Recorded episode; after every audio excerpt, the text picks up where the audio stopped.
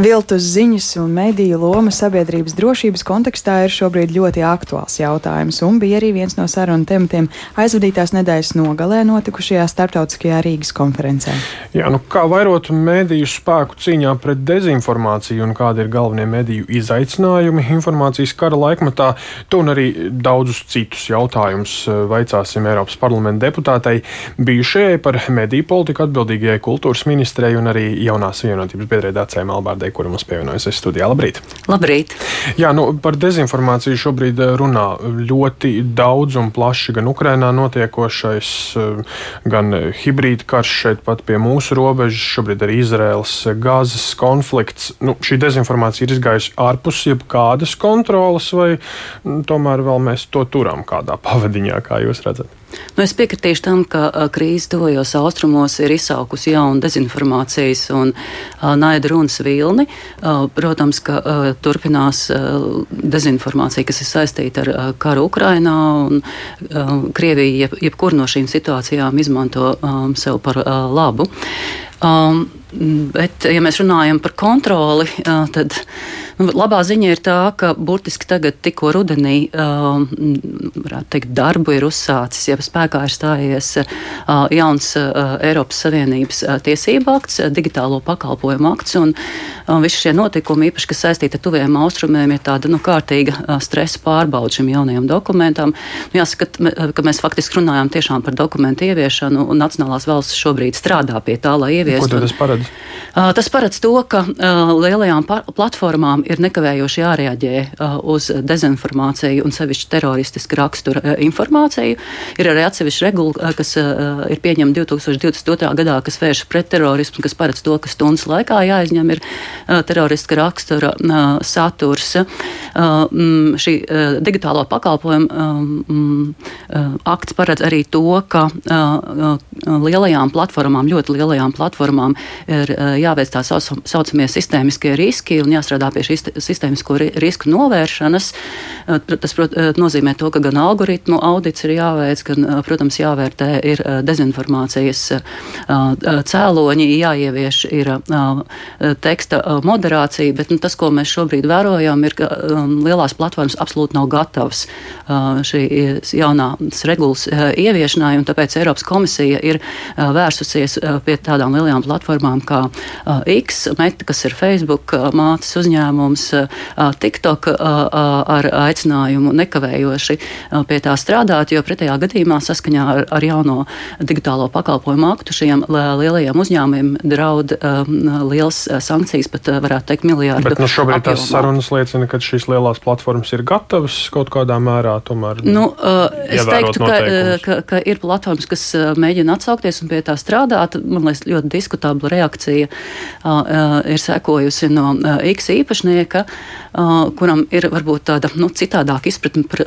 vārdu brīvības robežām, un to mēs redzam arī X platformā kopš Twitter. Tagad X ir pārņēmis Ilons Masks savā īpašumā, tad Twitters varētu teikt ir kļūst par tādu lielāko dezinformācijas avotu. Tā kā jā, ir daudz diskutablu jautājumu, bet es tiešām ceru, ka uh, Eiropas komisija izrādīs stingru mugurkaulu uh, un, ja nespēs uh, vienoties uh, ar lielajām platformām, tiešām uzsāks uh, kādu procedūru. Man liekas, ka mums ir nepieciešams precedents, lai platformas uztvertu šo regulu nopietni. Bet ņemot vērā visu, ko mums piedāvā arī tehnoloģija attīstība, mākslīgā intelekta rīku, brīva pieeja ikvienam, deep, deep jeb dziļviltojumu straujo attīstību, kas rada materiāls, kur principā izskatās tik reāli, ka cilvēks bez profesionālām zināšanām nemaz nespēja pateikt, ka tas ir viltojums. Vai mēs varam teikt, ka patiesība ir apdraudēta, vai mēs esam vispār spējīgi saprast, kas ir īsts, kas nav? Nu, es gribētu piebilst arī to, ka attiecībā uz mākslīgo intelektu Eiropas komisija ir pieņēmusi regulējumu un arī diferencē riskus, kas ir saistīti un ir nodefinēta virkne mākslīgā intelekta veidi, kas būs pilnībā aizliegti, tieši tie mākslīgā intelekta veidi, kas manipulē ar iespējamo cilvēku rīcību un domāšanu. Bet nu, visi šie dokumenti šobrīd vēl ir noslēguma stadijā, un mēs, diemžēl, nejūtam vēl tā ietekmi. Bet es jums piekrītu tam, ka patiesība savā ziņā ir apdraudēta, jo jaunās tehnoloģijas patiesi attīstās ļoti strauji, un mēs visi skrienam pakaļ. Nacionālās valstis, valdības, Eiropas komisija, citas starptautiskās organizācijas, un patiesībā nu, galvenais glābiņš tomēr ir cilvēku izglītība, spēja kritiski domāt un izvērtēt to informāciju, ko viņi šodien saņem, arī cilvēku mēdīju patērēšanas ieradumi. Un, lai cilvēki patērētu kvalitatīvus mēdījus, protams, katrai valstī jārūpējas par to, lai mums būtu kvalitīvi mēdīji. Jā, bet tieši tā, kāda ir šo mēdīju loma šajā informācijas karā? Kvalitatīvs mēdījis, protams, vajag. Tas, kāda ir, kāda jūs redzat šo lomu un kā vispār iegūt kvalitatīvus mēdījus vai uzturēt tos, kas ir? Nu šeit, protams, ir galvenā atbildība katrai valdībai rūpēties par to, lai pirmkārt jau būtu spēcīgs sabiedriskais mēdījis, līdz ar to nodrošināt tam, lai sabiedriskajiem mēdījiem būtu atbilstošs finansējums. Eiropas komisija šobrīd noslēdz darbu arī pie, tā, pie mēdīju brīvības akta, kas paredz vairākus stingrus nosacījumus nacionālajām valdībām, tā skaitā arī to, ka adekvāti ir jāfinansē sabiedriskais mēdījis, jānodrošina tā redakcionālā neatkarība ir jāpasargā mēdīji un žurnālisti no dažādu veidu uzbrukumiem. Uh, ir uh, pilnībā, jāno, uh, ja mēs runājam par komercmedijiem, tad pilnībā ir uh, jānodrošina informācijas atklātība par uh, uh šo komercmediju īpašniekiem, patiesā labuma guvējiem un uh, finansējuma avotiem. Uh, un, uh, nu, dažādos veidos uh, arī valstī ir pienākums veicināt mēdīju dažādību. Jo katru gadu Eiropas Savienība veic arī mēdīju plurālisma monitoringu, jāsaka, to, ka rādītāji ir patiešām ļoti slikti. Nevienai valstī, neviena, nevienai valstī Eiropas Savienībā nav maza riska novērtējums. Lielākajai daļai valstu ir augsts riska attiecībā uz mēdīju plurālismu, un šī iemesla dēļ mums, protams, jābūt arī ļoti uzmanīgiem apvienojot Latvijas sabiedrisko mēdīju mediju, lai mēs nepazaudētu uh, satura daudzveidību. Bet eh, nu, ir jābūt uzmanīgiem tomēr kopumā, kā jūs raugāties uz šiem plāniem apvienot sabiedrisko mediju, ja mēs to pieņemam, ka darām uzmanīgi. Vai jūs redzat, varbūt tur kādus riskus, eh, no kā vajadzētu izvairīties? Jā, bez manas minētā riska eh, attiecībā uz daudzveidības, raidījumu daudzveidības zaudēšanu, protams, man liekas, ka jāuzmanās ir attiecībā arī uz redakcionālo neatkarību un daudzveidības. Es esmu par to, ka jābūt divām redakcijām, bet tas ir mans personīgais viedoklis.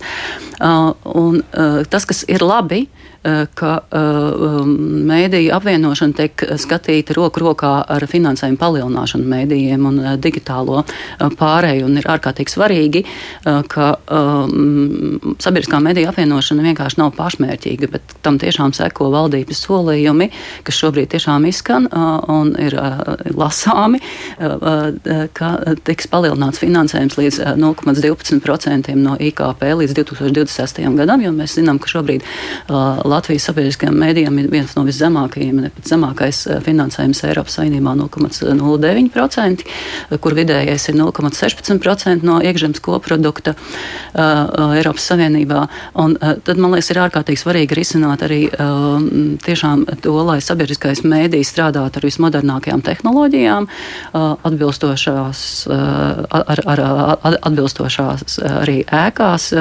Nu, ja, ja to visu valdība apņemās darīt vienlaicīgi ar apvienošanu, tad tas, protams, ir attaisnojami.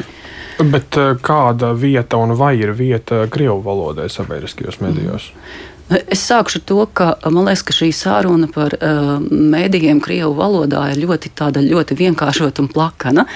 Uh, ja mērķis, piemēram, uh, drošības koncepcija panākt uh, lielāku drošību 2026. gadā, ja, es, uh, tā teikt, izslēdzot gaismu daļai Latvijas sabiedrības, tad, protams, uh, tikai ar šādu pasākumu lielāku drošību mēs nevaram panākt. Uh, uh, šeit ir jādomā par daudziem citiem pasākumiem, pirmkārt, to, kā celt latviešu valodas prestižu un patiesi nodrošināt nodrošināt iespēju sabiedrībai mācīties latviešu valodu tādā līmenī, lai, eh, lai, lai, lai, lai, lai varētu un gribētu eh, lietot eh, latviešu valodā. Bet nu, te ir jāpaturprātā to, ka vispār kopumā mēdīju tirgus kļūst aizvien sadrumstalotāks. Un, Un, un, un cilvēki izmanto ļoti dažādus medijas, un nu, domājot par to, kā sasniegt ar kvalitatīvu saturu, sabiedrība ir jāiet tur, kur cilvēki atrodas. Nevis kaut kā ar varu ierakstot kaut ko dokumentā, jāpiespiež tagad no tāda un tāda gada lietot mēdīs. Nu, tas ir pret, pretēji mēdīju nu, patēriņu loģikai. Nu, tā tas vienkārši nestrādā. Tas nozīmē, ka par šo jautājumu visticamāk diskusijas vēl turpināsim. Šajā mirklī teiksim paldies par sarunu Eiropas parlamenta deputātei, bijušajai kultūras ministrei un jaunās vienotības biedrai Dācei Malbārdai.